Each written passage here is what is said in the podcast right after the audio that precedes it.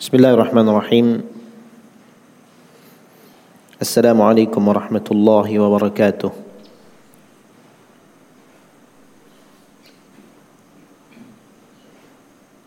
إن الحمد لله نحمده ونستعينه ونستغفره ونستهديه ونتوب إليه ونعوذ بالله من شرور أنفسنا. ومن سيئات أعمالنا.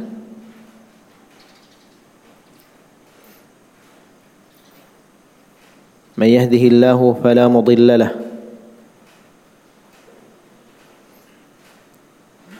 ومن يضلل فلا هادي له. أشهد أن لا إله إلا الله وحده لا شريك له.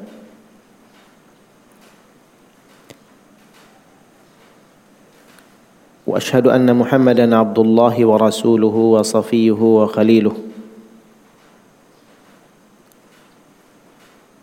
بلغ الرسالة وأدى الأمانة ونصح الأمة وجاهد في الله حق جهاده. قال تبارك وتعالى يا أيها الذين آمنوا اتقوا الله حق تقاته ولا تموتن إلا وأنتم مسلمون. وقال جل وعلا يا أيها الذين آمنوا اتقوا الله وقولوا قولا سديدا. يصلح لكم أعمالكم ويغفر لكم ذنوبكم. ومن يطع الله ورسوله فقد فاز فوزا عظيما أما بعد.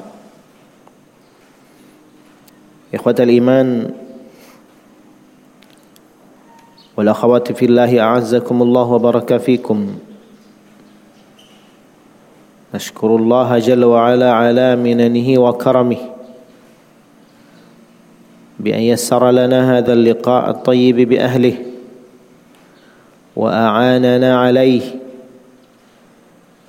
ووفقنا لسبيله فإنه لا حول ولا قوة إلا بالله. Sesungguhnya tidak ada daya dan upaya melainkan dari Allah Azza wa Jalla semata. Allahumma barik lana fi bukurina. Allahumma barik fi a'malina wa a'marina. Semoga Allah tabaraka wa taala berikan curahkan keberkahan di pagi-pagi kita, curahkan keberkahan pada amalan kita, pada umur-umur kita. ونسأله سبحانه وتعالى علما ينفعنا وأنفعنا بما علمنا Kita meminta agar dia subhanahu wa ta'ala mengajarkan kepada kita semua ilmu-ilmu yang bermanfaat bagi kita. Sebagaimana kita meminta kepadanya subhanahu wa ta'ala memberikan kemanfaatan atas ilmu-ilmu yang telah diajarkan kepada kita. Ikhwatal iman, wal akhawati fillahi a'azzakumullah wa baraka fikum. Pada pagi hari yang cerah ini kita mengangkat tema al-istiqamah. Keistiqamahan setelah jalan hijrah. Ketahuilah jemaah yang dirahmati Allah membahas istiqamah menguraikan, mengharapkan untuk kita bisa diberikan taufik padanya salah satu dari pembahasan-pembahasan yang terbesar juga terberat.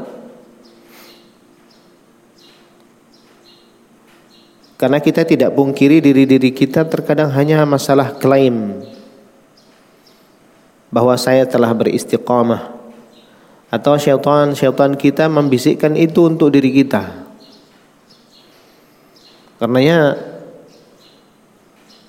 dinobatkan adalah pembahasan-pembahasan yang besar, yang berat. Illa man yassara lahu Allahu tabaraka wa ta'ala wa a'ana. Kecuali bagi siapa yang Allah mudahkan dan bantu dia padanya.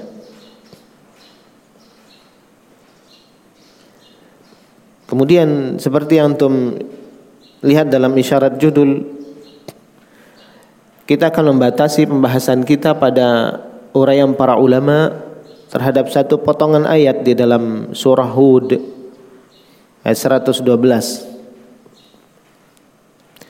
ketika Allah tabaraka wa taala perintahkan nabinya untuk beristiqamah nabinya sallallahu alaihi wasallam khiyarati safwatihi manusia-manusia pilihannya kekasih daripada kekasih-kekasihnya sallallahu alaihi wasallam Nabi kita Muhammad diperintahkan oleh Allah untuk beristiqamah di jalannya. Yaqulu azza wa jal dalam ayat tersebut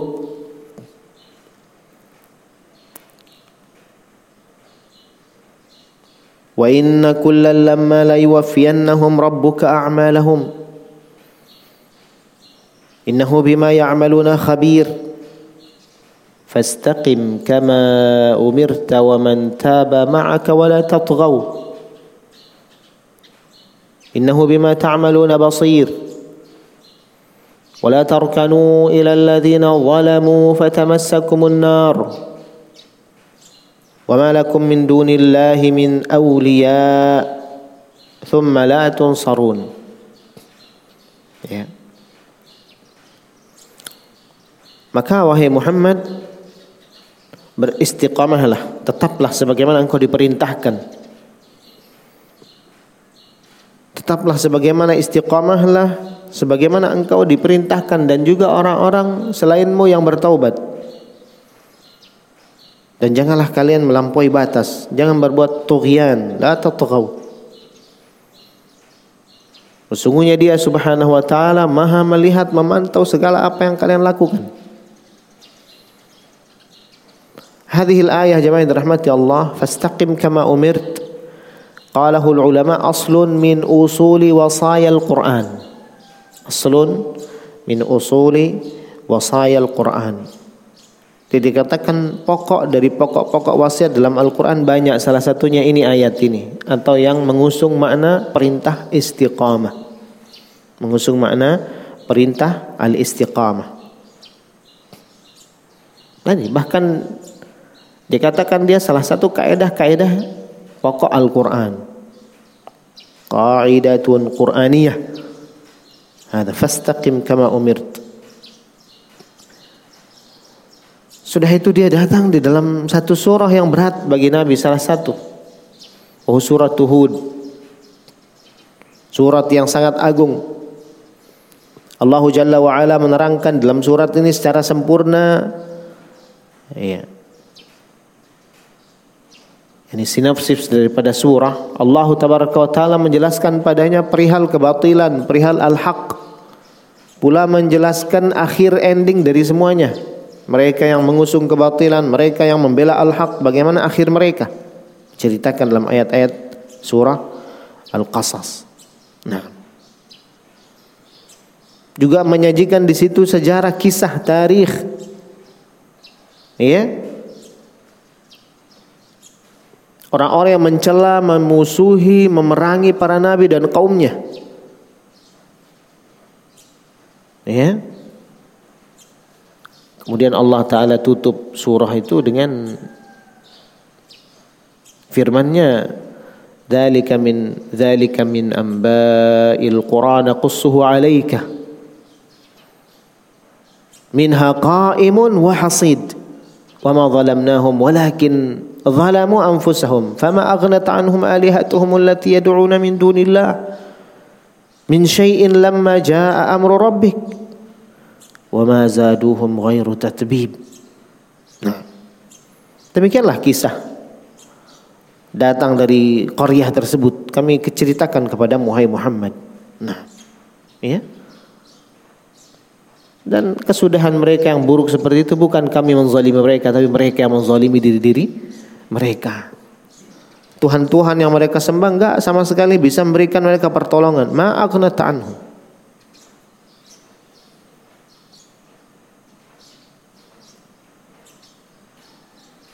Maka ikhwata liman azakumullah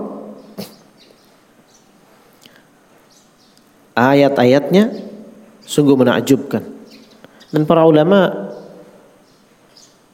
memberikan kesimpulan ayat-ayat yang banyak tentang kisah yang tersebutkan di atas sebagai mereka berpendapat dia berporos bertumpu pada satu ayat di situ ya di ayat yang ke-12 di awal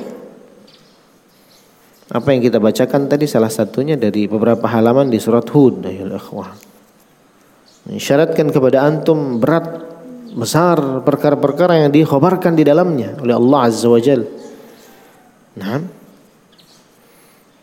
Yaqulu Jalla wa Ala dalam surah ayat yang ke-12-nya yang sebagian mereka katakan ini porosnya. Semua ayat setelahnya sebelumnya kembali maknanya kepadanya, mengusung ini. Nah. Ya ini barangkali wahai Muhammad engkau akan meninggalkan sebagian apa yang diwahyukan kepadamu lantaran gara-gara engkau tidak diterima di kaummu, mereka membulimu, mereka mencelamu, jangan-jangan atau barangkali engkau akan bergeser dari garis istiqamah. Dan fala'allaka tarikum ba'd ma yuha ilaik wa dha'iqum bihi sadruk ay yaqulu laula unzila alaihi kanzun aw jaa ma'ahu malak innama anta nadhir innama anta nadhir wahai Muhammad barangkali nanti itu semua penyelisihan mereka bulian mereka itu berefek kepada kau lengser daripada istiqamah. Iya. Atau barangkali membuat sempit dadamu gara-gara mereka memiliki pernyataan yang nyeleneh yang nggak sopan. Mana kita bisa benarkan itu Muhammad? Coba saja kalau dia datang bawa perhiasan, bawa emas, perak dari langit, oh, mau ikut dakwahnya. Laula unzila alaihi kanzun. Atau kalau tidak bawa harta benda, setidaknya dia bawakan malaikat bersamanya mengawalnya. Nah ini apa dia? Au jaa ma'ahu malak. Tidak wahai Muhammad, jangan bergeser dari jalur istiqamahmu terus. Innama anta nadhir. Kau jangan peduli mereka mau terima mau tidak terima. Kau ingatkan saja, istaqim kama umirt. Nah, innama anta nadhir. Kau berikan peringatan saja kepada mereka. Iya. Wallahu ala kulli syai'in wakil. Allah tabaraka wa taala yang akan menjadi ya, penolong nanti atas segala sesuatu. Kata para ulama, ini ayat fala'allaka tarikum ba'dha ma yuha ilaik itu poin daripada penjabaran sebelumnya atau setelahnya ayat ini. Ya? Karena jemaah yang dirahmati Allah Bagi siapa yang memperhatikan ayat ini sangat menakjubkan. Terlebih dikaitkan dengan hadis yang diasarkan dalam tafsir-tafsir lihat dalam surat uh, tafsir Ahkamul Quran Imam Al-Qurtubi rahimahullah tafsir Al-Qurtubi. Walaupun hadis yang tersebutkan dalam fadilah surat ini dhaif lakin makna begitu disampaikan oleh para ulama. Hadis Abi Bakar As-Siddiq. Dalam sebuah literatur berbunyi ada orang sahabat bermimpi melihat Nabi banyak sekali ubannya Kemudian ditegur, kenapa banyak sekali ubanmu ya Rasulullah? Ma aktsara ma asra'a ma nabata. Nah. Betapa cepat ubanmu tumbuh ya Rasulullah. Faqala an-nabiy sallallahu alaihi wasallam qalatahu al-masyhura syayyabatni hudun wa akhawatuha. Syayyabatni hudun wa akhawatuha. Aku dibuat beruban oleh Hud dan kawan-kawannya. Hud yakni oleh surat Hud dan juga yang semisalnya fassala fi ba'dil riwayah itu an-naba amma yatasaalun maksudnya saudaranya ada juga al-waqi'ah al-haqqah surah-surah yang menyajikan ayat-ayat yang mengerikan tentang kehidupan akhirat yang mungkin kita berat untuk bisa melaksanakannya. Lebih dalam lagi di beliau sallallahu alaihi wasallam menyebutkan Kata Imam Al-Qurtubi dan adalah ayat yang membuat beliau beruban hadhihi allati kunna fihi. Fastaqim kama umirt wa man taba ma'aka wa la tatghaw. Istiqamahlah terus di jalan Allah sebagaimana engkau diperintahkan begitu pula orang-orang yang bertobat dari pengikutmu wahai Muhammad. Kama umirt. Ada. Idan ikhwatal iman azzakumullah wa baraka fikum وهذه الآية لها ما لها من المواقف والوقفات ada beberapa renungan ya. arahan para ulama di dalam memahami yang pertama terutama al-waqfatul ula min hadhihi al-ayatil azimah al-karimah mengisyaratkan kepada kita hakikat istiqamah yang nabi berat memandangnya hadza rasul hakikat istiqamah itu apa apa hikmahnya, apa rahasianya, kenapa begitu beliau? Karena beliau beliau beliau beliau sallallahu alaihi wasallam diperintahkan secara tasrih oleh Allah tabaraka wa taala. Apa hakikatnya? Nah, begitu juga untuk para pengikut beliau untuk melazimi keistiqamahan. Apa hakikat istiqamah? Nah,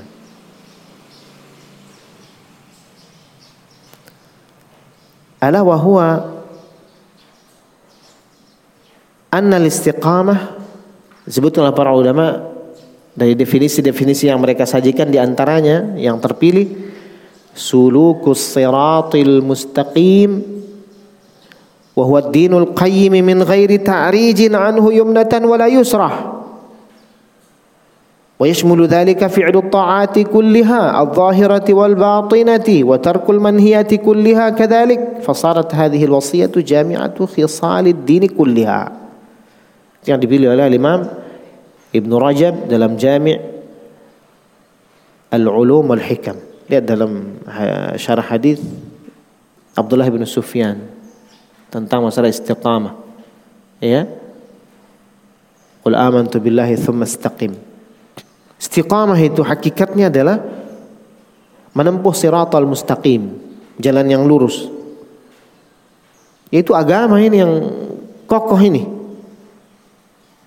tanpa sedikit pun muyul, bengkok, tanpa sedikit pun bengkok melenceng kiri ataupun kanan. Lah. Lurus. Dan ini mencakup kata beliau semua amal-amal agama baik yang nampak ataupun yang batin, zahirah atau batinah, semuanya. Ya. Meninggalkan semua larangan baik yang nampak ataupun yang tidak, semuanya. Nah, Makanya dia dikatakan wasiatun jami'ah, wasiat yang global menyeluruh. Hah?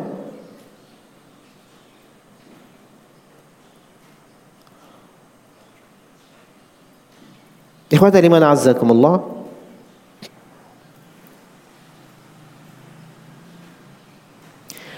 Adapun apa rahasianya kenapa begitu kokoh khitab arahan pembicaraan dan perintah istiqamah ini kepada nabinya. Ya, ya ini kata para ulama ahli tafsir kalau antum cermati dalam surat Hud ini begitu banyak khitabat kepada Rasulullah baik secara langsung atau tidak. Khitab yakni arahan pembicaraan ya ayyuhan nabi. Ya Rasulullah. Baik secara langsung ataupun secara tidak langsung dengan kinayah. Betapa banyak isyarat-isyarat itu khitabat itu dalam surat ini dalam untuk Rasulullah sallallahu alaihi wasallam. Betapa banyaknya. Nah. Jadi apa rahasianya kenapa begitu banyak diarahkan terutama dalam masalah istiqamah ini dibawakan secara tegas lugas fastaqim bi fi'lil amr. Fastaqim.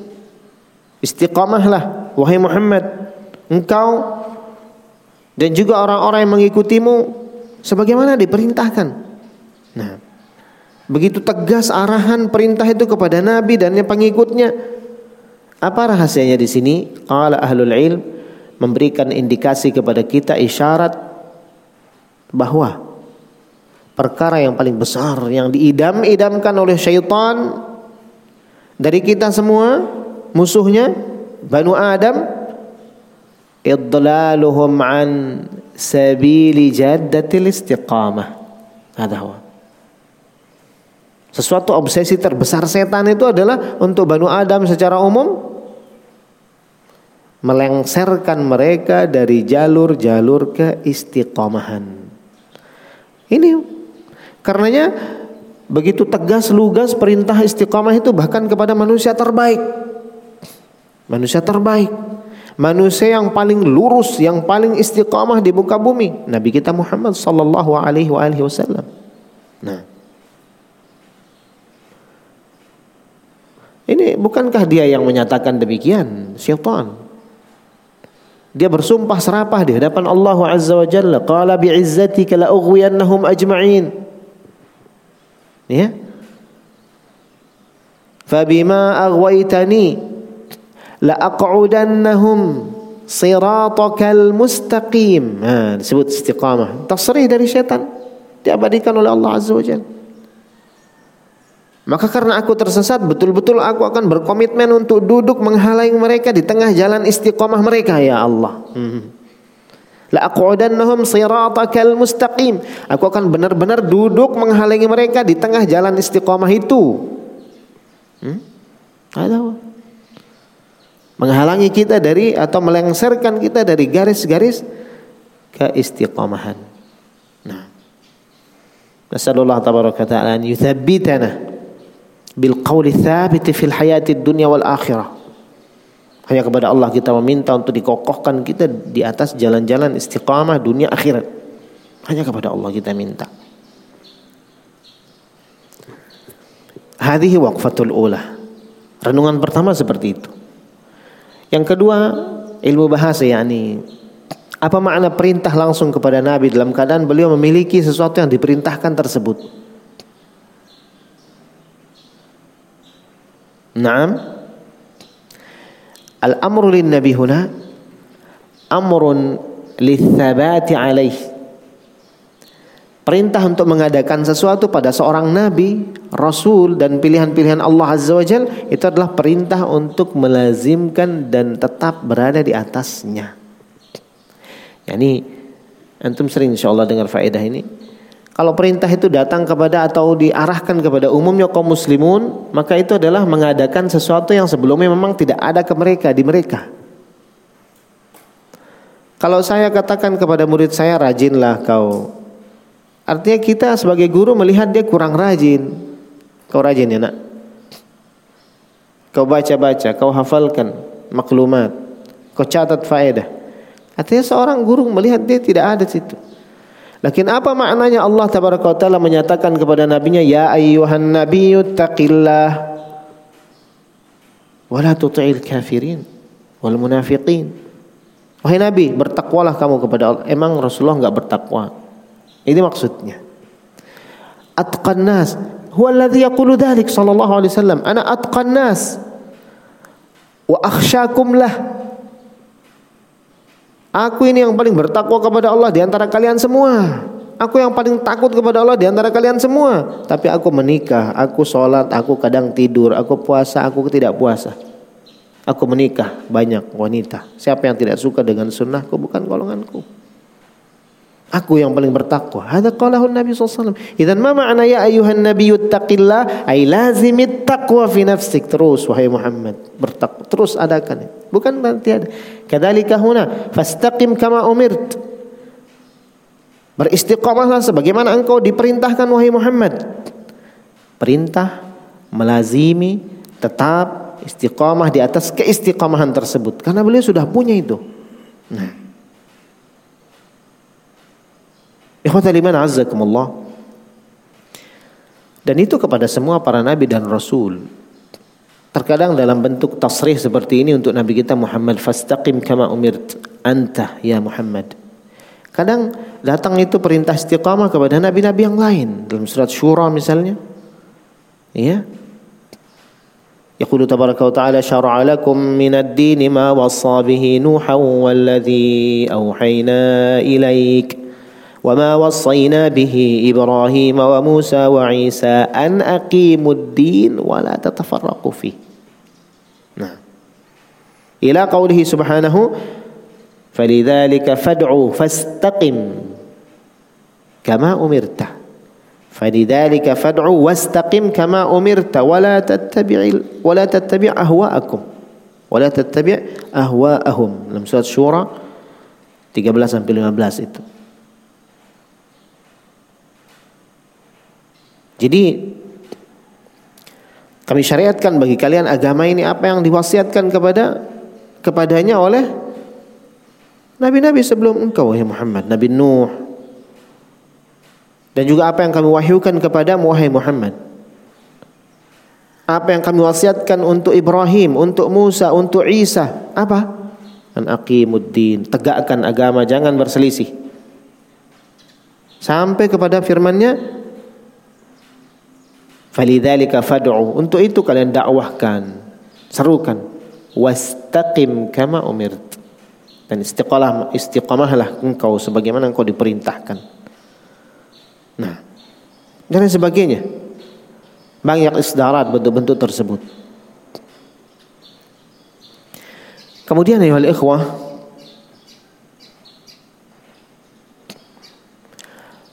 Al-waqfatu tsalitsah Renungan yang ketiga yang disebutkan oleh para ulama yakni ayuhal ikhwah fastaqim kama umirt. Perintah kepada Nabi ini syarat. Dahsyatnya perkara perintah al-istiqamah itu. Karena dia bahasa lain daripada kerjakan semua agama jangan ada yang kau tinggalkan. Masuklah Islam secara sempurna. Makna daripada pembahasan istiqamah itu adalah udkhulu fis silmi kafatan tapi adakah kita sempurna dalam melaksanakan agama? Di sini masalah, makanya membuat beliau beruban. Syayyabatni Hudun wa akhawatuha Hud surat Hud membuatku beruban dan saudara-saudaranya ada surat-surat yang lain. Dan adalah yang dimaksudkan dalam surat Hud yang membuat beliau beruban itu fastaqim kama umir anta wa man taba ma'ak. Kalau beliau iya, beliau nabi dan rasul. Tapi bersamaan dengan itu beliau tidak ujub, tidak sombong diri, tidak kemudian merasa telah memiliki keutamaan tersendiri, lalu merasa aman, lalu meninggalkan sholat sunnah, lalu meninggalkan amalan-amalan yang sunnah hanya yang wajib saja dilaksanakan. Nabi itu tidak begitu, Shallallahu Alaihi Wasallam. Bersamaan dengan beliau dikabarkan penduduk surga, dikabarkan surga nggak akan dibuka kecuali dia dulu yang memasukinya, dikabarkan dikabarkan rahmat-rahmat yang tidak ada putusnya wa kana fadlullahi alaika azima. Bersamaan dengan itu salat malamnya sampai membuat pecah kakinya. Bersamaan dengan itu hari-harinya beristighfar 70 kali wa fi riwayah 100 kali. Bersamaan dengan itu, bersamaan dengan itu hal-hal yang Memang tidak nalar, nggak masuk nalar kecuali memang karena beliau seorang nabi, makanya mampu melakukan hal yang besar seperti itu. Lakin hadal istiqamah fastaqim kama umirt. Nah. Idzan ikhwatal iman azzakumullah. Ada sebuah hadis أخرجه الإمام أحمد في مسنده وصححه الألباني رحمه الله تعالى من حديث ثوبان مولى رسول الله صلى الله عليه وسلم نعم يقول فيه النبي صلى الله عليه وسلم استقيموا ولن تحصوا. نعم. ما تليس كان استقيموا ولن تحصوا. واعلموا أن خير أعمالكم الصلاة. ولن يحافظ على الوضوء إلا مؤمن.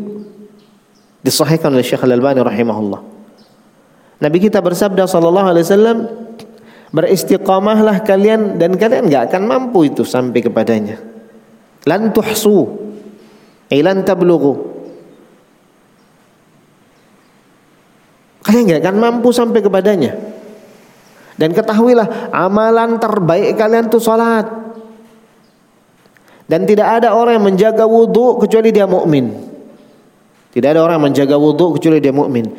إخوة الإيمان أعزكم الله وبارك فيكم. هذه الحديث أخرجه الإمام أحمد في مسنده من حديث ثوبان مولى رسول الله. استقيموا ولن تحصوا. نعم إلى آخر ما قال. هذه ولن تحصوا. اختلف العلماء على ثلاثة أقوالها. Ulama berbeda pendapat dalam menafsirkan ini hadis, mensyarahnya. Istiqamalah kalian dan kalian nggak akan sampai di situ. Al-qaulul awal, al-qaulul awal minha lan tuhsu ay lan tuhsu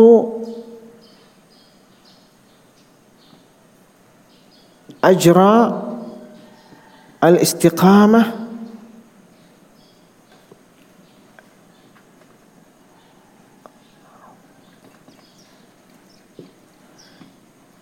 idza istaqamta. Nah.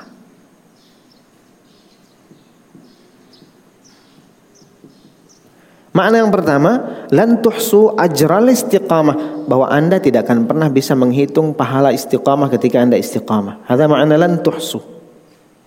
Anda tidak akan pernah bisa menghitungnya kalau ketika Anda beristiqamah. Karena itu tadi, makna istiqamah itu adalah menjalankan agama secara keseluruhan dan tidak boleh ada yang menceng bengkok di satu bidang. Artinya sulit untuk melekatkan istiqamah kepada seorang. Iya betul dia istiqamah dalam ngajinya dalam solatnya tapi barangkali dia bengkok dalam masalah sedekah dan infak. Pelit sekali dia. Maka ini orang tidak sah dikatakan istiqamah. Atau semua istiqamah tapi dia nggak baik sama tetangganya. Tidak istiqamah. Ada laisa mustaqim atau dia eh makanya istilahnya siapa yang tidak punya kekurangan? Wa kullu bani adam khata wa khairul khata'in at-tawwabun. Hadza awalan ajra al-istiqamah. Ya silahkan siapa yang bisa menghitung pahala amal soleh secara keseluruhan? Tidak ada orang bisa hitung. Ini makna yang pertama. Asani lan tuhsu ay lan tablughu nah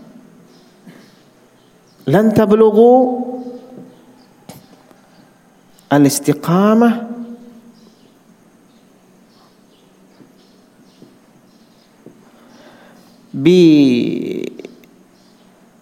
بنفسك. نعم. إنما هو بالله. Makna yang kedua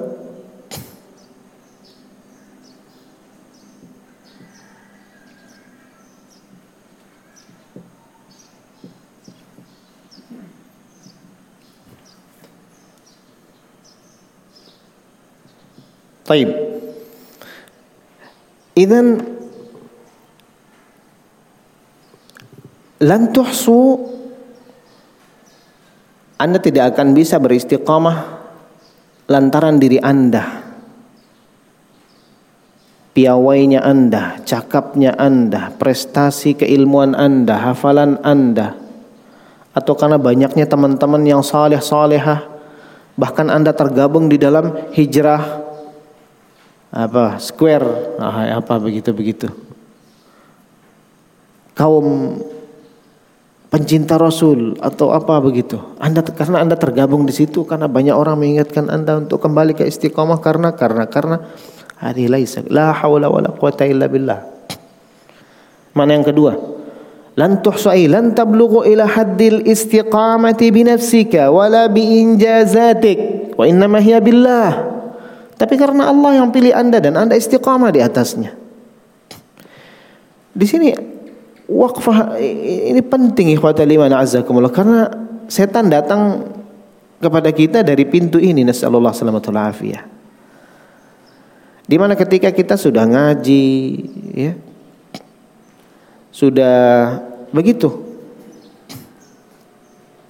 merasa diri telah berhasil merasa diri telah berhasil. Telah ya, berhak untuk disematkan pada diri kita mustaqim. Ya hadzal akh mustaqim fi dinihi wa amalih nah. Akhirnya berefek kepada kita ngeremehin orang. Yang jarang hadir ngaji kita judge kita hakimi kita macam Nasallallahu alaihi Makanya ikhwatal iman, antum perhatikan Rasulullah SAW bersamaan dengan beliau-beliau sallallahu alaihi wasallam tapi tidak gurur. Selalu segala sesuatu itu dia kembalikan karena Allah tabaraka taala. Apa kata dia dalam syair ketika menggali khandak itu? Beliau mendendangkan syairnya memperdengarkan besar suara kepada para sahabat. Laulallahu mastaq apa? Laulallahu ma sallaina wala sumna wala tasaddaqna. Salah satu potongan syair yang beliau katakan sambil menggali parit dalam perang Khandaq Ahzab itu. Aduhai kalau bukan karena Allah kita nggak akan paham itu apa apa itu salat. Kita nggak bakalan ngerti puasa itu apa, bersedekah, berbagi itu gimana. Ada Rasulullah. Lah kemudian kita besar kepala mengatakan kita telah berbuat, kita telah melakukan, telah begini. Lah. Maka di sini ikhwatul iman diingatkan ketergelinciran, kesesatan, melencengnya seseorang dari jalan kebenaran, antum kira setelah lemahnya? Lah, tapi setelah dia berada di atas puncak kekuatan. Ya? Antum perhatikan ayat dalam surat ini juga, dalam surat Hud atau yang lainnya. يقول تعالى فتزل قدم بعد ثبوتها وتذوق السوء بما صددتم عن سبيل الله فتزل قدم بعد ثبوتها النحل هكذا يا النحل kurang lebih fatazilla qadamun ba'da thubutiha itu tergelincir kaki-kaki setelah kokohnya Bukan setelah dia gemetar, setelah dia mengalami rematik, lalu lemas lutut-lututnya. Nah. Tazilla qadamun ba'da thubutiha. Kaki-kaki itu terkilir, terlincir setelah kokohnya. Hmm. Setelah antum ngaji, setelah antum tahu i'rabat, setelah antum cakap berbahasa Arab, setelah sempurna 30 juz hafalan. Lalu kemudian keluar dari kelas, keluar dari pondok, Ah, pantem ini tidak pernah ngaji juga kada wa kada fulan kada fulan kada. Ya. Nasallallahu alaihi wasallam. Tazilla qadamun ba'da thubutiha wa tadud suqusu. Nah. Jadi ikhwatul iman, hidup ini fitnah, ya. Kekokohan di atas agama itu bukan sesuatu yang murah dan gampang. Itu perhatikan. Hidup ini fitnah, sementara kekokohan itu bukan satu yang gratis bisa didapatkan dengan instan. Lah. Ya. Dia sesuatu yang diupayakan, dibeli dengan harga yang mahal. Sebagian masyayikh menceritakan kisah yang terkenal itu atau dalam Majmu' Fatawa Syekhul Islam Taimiyah rahimahullah taala. Ya Syekh katanya si fulan eh, subhanallah sekarang berbeda dari yang kemarin. Kemarin lalunya dia sangat getol mendakwahkan akidah tauhid. Getol mendakwahkan sunnah dan membela sunnah. Tapi di hari ini dia berbeda Syekh. Bahkan dia telah memerangi apa yang kemarin lalunya dia dakwahkan, dia ajak manusia kepadanya. Hmm. Mada Syekh? Beliau menjawab, "Imma annahu lam yas'alillah tsabat wa imma annahu lam yashkurillaha ni'matal istiqamah. Wallahu alam kata Syekh. Dua dari satu dari dua kemungkinan. Yang pertama imma annahu lam yas'alillah thabat. Mungkin dia enggak pernah meminta kepada Allah kekokohan. Merasa sudah punya akhirnya enggak pernah berdoa minta kekokohan kepada kepada Allah Azza wa Jal. Atau kemungkinan yang kedua kalau ndak itu dia kurang syukur terhadap nikmat istiqamah itu sendiri. Ketika dia diberikan keistiqamahan ngaji, keistiqamahan menjalankan salat lima waktu dengan berjamaah, keistiqamahan begini ngaji apa macam-macam, dia tidak syukur itu. Dia biarkan itu berjalan seperti biasa saja. Dia anggap itu termasuk injazatihi. Dia termasuk daripada prestasinya. Hmm. Penghasilan atau pencapaian wah kan Nah, akhirnya dia lupa meminta kepada Allah Azza wa Jalla. Padahal Rasulullah SAW apa? Hadis Hafsah yang antum hafalkan semua. Ya muqallibal qulub tsabbit qalbi ala dinik. Wa ya musarrifal qulub sarrif qalbi ila ta'atik. Akthar ma yaquluhu Nabi SAW. Hafsah binti Umar sendiri yang bilang radhiyallahu anha, "Ya Rasulullah, betapa sering engkau ucapkan itu? Au annal quluba la tataqallab?" Benar-benarkah hati itu berbolak-balik Nabi? Hmm. Antum kira apa? Waihak, celaka kamu. Innaha la betul-betul dia itu berbolak-balik. Betul-betul dia berbolak-balik. Ya, minta. Hada Anas bin Malik. Khadimu Rasulillah min mukthiril hadis, termasuk yang paling banyak meriwayatkan hadis dari Nabi min mukthir as-sahabah Anas bin Malik radhiyallahu an. Itu kan hadis terkait dengan yang muqallibal qulub juga. Ya Rasulullah, inna qad amanna bik wa bima jaa wa bima ji'ta bihi. Afatakhsha alaina? Coba bayangkan. Mungkin ini adalah pemikiran yang ada pada diri kita semua terutama karena kita ngaji tadi sekali lagi. Ya Rasulullah, bukankah engkau sadar belaka kami ini beriman kepadamu? Kami kan beriman kepadamu ya Rasul, kami sudah tinggalkan itu kekufuran. Bahkan kami beriman dengan segenap apa yang engkau bawa dari dakwah risalah ini ya Rasulullah. Apakah engkau masih mengkhawatirkan kami? yakni kami akan murtad, kami akan yakni banyak sekali ditemukan doa-doa begini. Kalian mintalah kekokohan kepada Allah, mintalah kekok. Hada qaulu Rasulillah li ashabih. Belum lagi antum mau tekankan sisi ini ini apa ini? Ini sabda seorang nabi yang suci, yang maksum, yang dapat wahyu lalu kemudian kepada manusia generasi terbaik. Bahkan salah satu dari mereka mengatakan, kami kan beriman kepadamu ya Rasulullah dengan apa yang kau bawa semuanya. Engkau takut pada kami. Kemudian beliau mengatakan, Innal quluba fi asbu'in min asabi'ir rahmani yuqallibuha kaifa yasha. Ini ucapan Rasulullah kepada manusia-manusia terbaik dari para sahabatnya. Hati itu berada di jari jemari Allah Azza wa Jalla. Yuqallibuha kayfa mana ada barakallahu fikum bukan di antum itu. Bukan saya yang bisa manage diri saya, saya bisa ngatur enggak. Insyaallah saya istiqamah. Enggak apa-apa. Ayo kita masuk saja ngaji enggak apa sama-sama menyampaikan Al-Qur'an dan hadis juga. Akhirnya antum ikut ngaji di komunitas uh, Syiah. Akhirnya ngaji ke orang-orang yang nggak jelas dia mendakwahkan apa. Ah, karena pede dengan injazat prestasi dan apa yang antum capai dari ilmu. Ya? Istaqim kama umirt. Nah. Ikhwata liman jadi ini juga ya jangan sampai pernah kita melupakan poin ini bahwa ketika kita berada di atas jalan istiqamah itu artinya Allah taala memilih kita. Ya. Memilih kita karena rahmatnya dia subhanahu wa taala karena keutamaan yang besar kepada kita semua bukan karena prestasi Anda, bukan karena Anda menghafal, bukan bukan itu itu semua tidak. Makanya tadi salah satu jalan-jalan mendapatkan keistiqomahan tadi meminta sabat atau syukuri nikmat istiqamah itu. Itu Anda kurang bersyukur sehingga Anda tidak menisbahkannya kepada Allah. Anda menganggap ini pencapaian pribadi.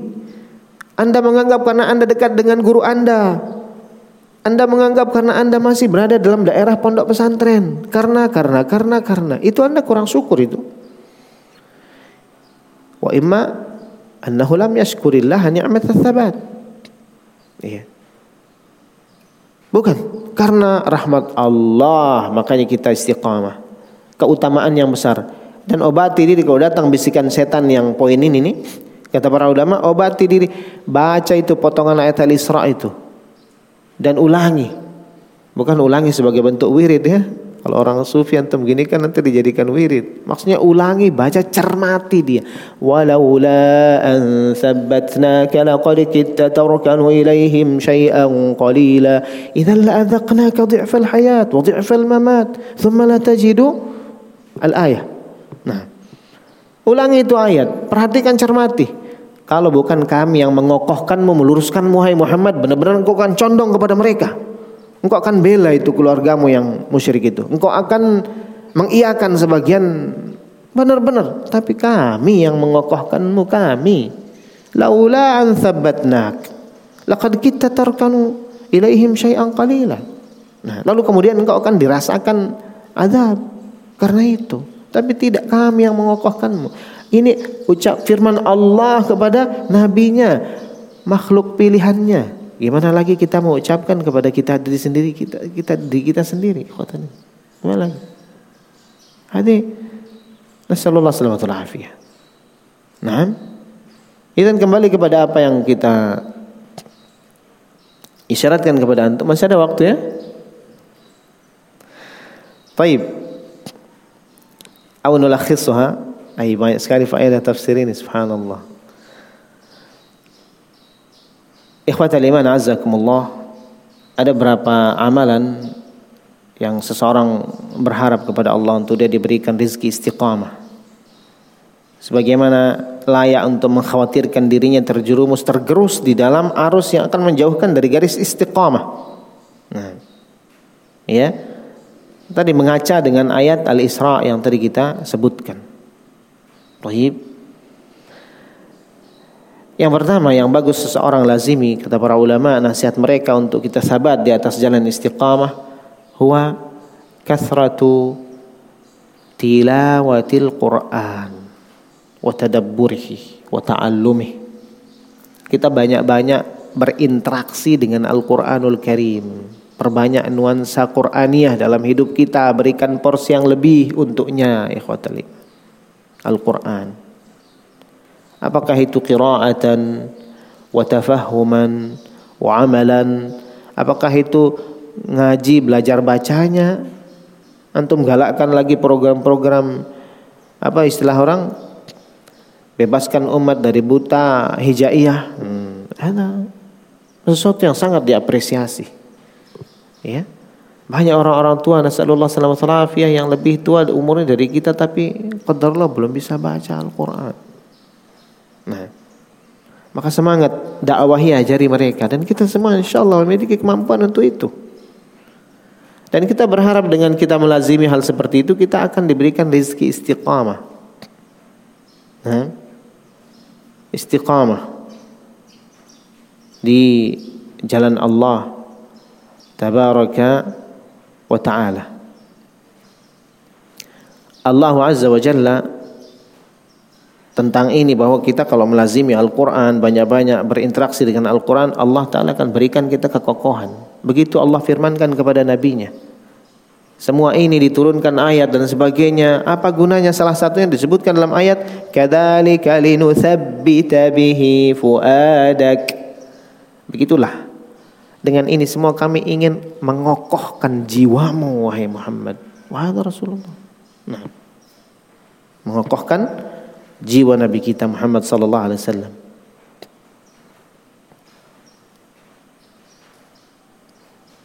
Makanya keterpurukan, goncang dan rusaknya, pecahnya pegangan orang-orang kafir dan kaum musyrikun kenapa? Karena mereka membuli Al-Qur'an dan tidak mempercayainya kan begitu.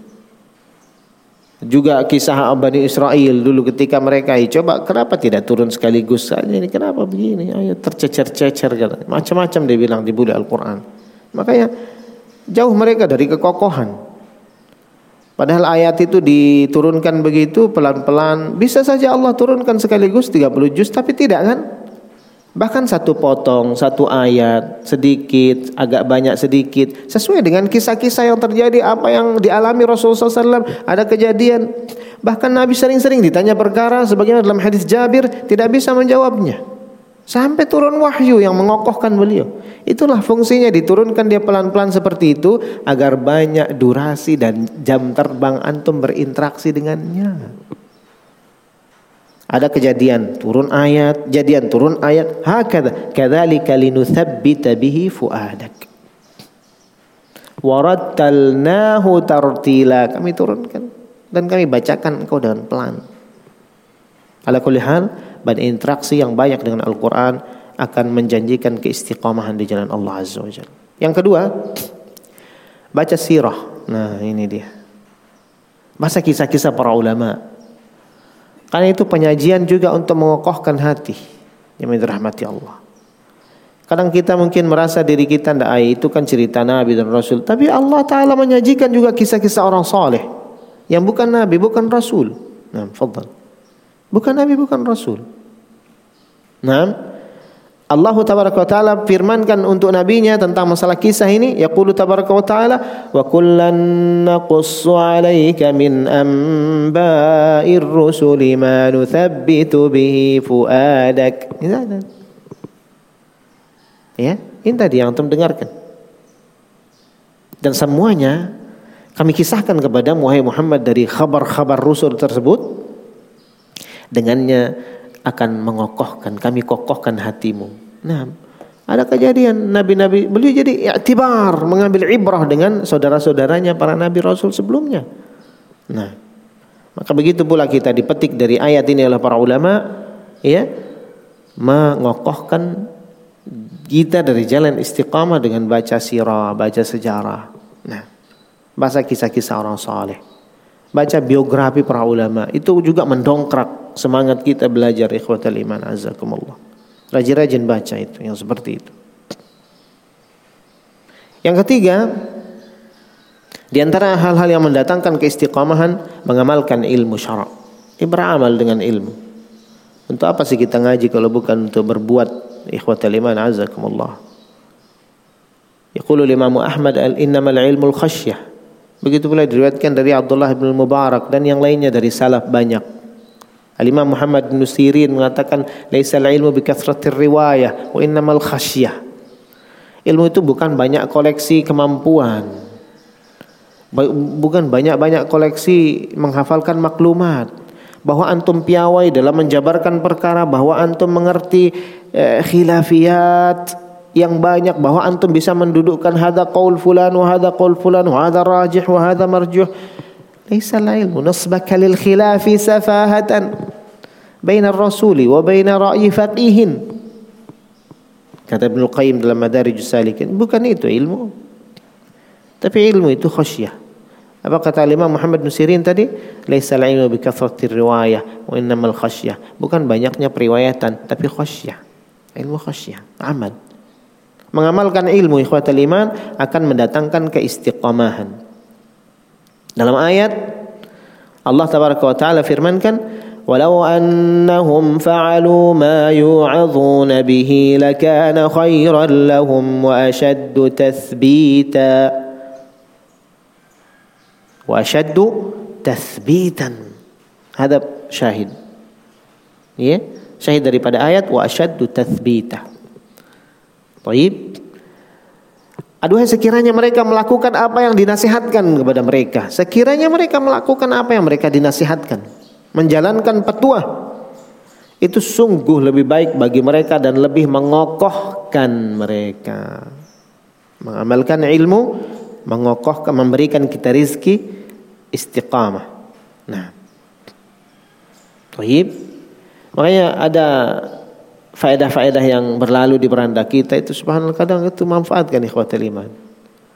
Karena sering-sering lewat ya, dari ikhwah-ikhwah buat subhanallah. Mufid jiddan, berfaedah sekali. Sampai tersentak satu kali karena saya salah, salah satu yang semangat nge-share ulang apa repost apa segala macam tulisan ikhwah ada uh, lupa saya jadi nilaimu itu bukan banyak-banyak kau bisa mengoleksi ma mawa'id kata seorang syekh di situ saya lupa. Banyak kau koleksi nasihat petuah-petuah para ulama kau share. Bukan kau berapa yang kau laksanakan dari apa yang kau share itu? Ini subhanallah. Ada.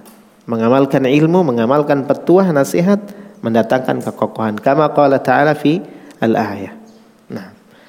Yang berikutnya, yang terakhir mungkin kita tidak lain tidak bukan berdoa. Nah, memperbanyak doa. Tadi keterangannya sudah kita dahulukan. Nabi, padahal dia nabi, begitu keadaannya. Dia minta kekokohan. Nah, ya muqallibal qulub, tsabbit qalbi ala dinik. Sahabat Anas bin Malik sampai bertanya seperti itu model pertanyaannya. Apakah engkau mengkhawatirkan kami Rasul? Rasulullah jawab tidak, tapi hati itu di tangan Allah Azza wa Dia membolak-balikkannya sekehendaknya. Jadi jangan merasa aman. Jangan merasa aman. Kita ngaji, ya. Itu bukan sebagai jaminan kita di atas istiqamah. Nah, apalagi lalu lebih jelek, lebih jahat, lebih buruk lagi dijadikan sebagai legalitas untuk bisa mengkerdilkan, menghardik, merendahkan orang lain, apalagi seperti itu. Tayyib Al-Imam Asy-Syairazi Abu Ishaq menceritakan kisahnya. Al-Imam Abu Ishaq Syirazi Satu hari aku bersama abiku bermalam. Niyam Orang-orang di sekeliling kami pada tidur semua ngorok. Hmm. Tidur semua. Iya ini tidak ada yang salat malam nah, Tidur semua Abu Ishaq As-Sayrazi mengatakan kepada abinya Lam yakum min haula man yusalli Hatta raka'atain Lam yakum min haula. Tidak ada orang sholat tapi Walau cuma dua rakaat tidak ada Kata dia setelah dia sholat. Apa kata abinya memarahinya? Ya bunai Ya bunai Lau nimta lakana khairan laka min an taqa'a fin nas. Istiqamatuka la tu'tika Al-haqqa fi sukhriyah La tu'tika al-haqqa fi sukhriyati fi dhullali ghairik Ini emas ini, ini, ini, ini nasihat yang harus ditulis dengan tinta air mata, tinta emas ikhwatal iman azzakumullah. Eh anakku, wallah, kamu tidur ngorok itu jauh lebih baik daripada kamu melaksanakan sholat sunnah lalu kemudian kau kata-katai orang. Ya? Lebih baik kamu ngorok juga. Lebih baik kamu ngorok, tidur. Istiqomahmu di atas jalan kebaikan tidaklah lantas memberikanmu jalan ya, untuk bisa berbangga dan mengkerdilkan orang. Wahai kita juga nggak tahu hal itu bukan dari yang lahir ya. Kadang kita bully orang masuk ke masjid kita pakai tato apa segala macam belum bagus bajunya bahkan mungkin ah kita pakai baju preman lalu kemudian di atas dalam diri kita ada sesuatu. Mentang-mentang dia yang berjilbab lengkap, bercadar, berniqab, ada saudarinya masih pakai jilbab pink ikut ngaji dibully. Ah, hati-hati umat, ya akhwat. Lengkapnya hijabmu bukan menjadi legalitas untuk kau boleh berbangga diri lalu mengkerdilkan, merendahkan orang. Taqillah fi nafsik. Hadhi kulliha laisa bi injazatik wa innama billah bihaulillah biquwwatillah biaunillah Ikhwata liman azzakumullah baraka fikum. Idan ya kita nggak tahu. Jangan-jangan ini orang yang masuk masjid pakai baju preman ini jangan-jangan dia datang membawa sejuta masalahnya dia telah hancur pecah hatinya jangan-jangan dia eh kan? Lagi dekat perasaannya bersama Allah dia dia dia telah melupakan dunia gelapnya yang kemarin bahkan dia sekarang hanya merasa memiliki punya Allah taala saja makanya dia mau datang ke rumah Allah hmm. Kalau kau ngaji dari dulu belum tentu kau punya perasaan yang dahsyat seperti itu. Belum tentu. Makanya nggak boleh kita ngejudge orang dari yang tampak. Apa kata orang? Jangan kau hakimi buku karena judulnya. Kan begitu. La tuhkimil kitaba bi, bi, bi Jangan hakimi sebuah buku karena modal judul ai judul padahal itu ketika dibaca subhanallah hidayah semua isinya. Ayat hadis ayat hadis kalam ulama ayat. Jangan judge buku gara-gara judulnya barakallahu fikum. Nah. At-taqwa hahuna hmm, hadis. Antum lihat at-taqwa hahuna wa yushiru ila sadrihi kita belajar bahasa sedikit ya ma makna ismul isyarah hmm? فائدة bagi antum. اسم الإشارة ماذا؟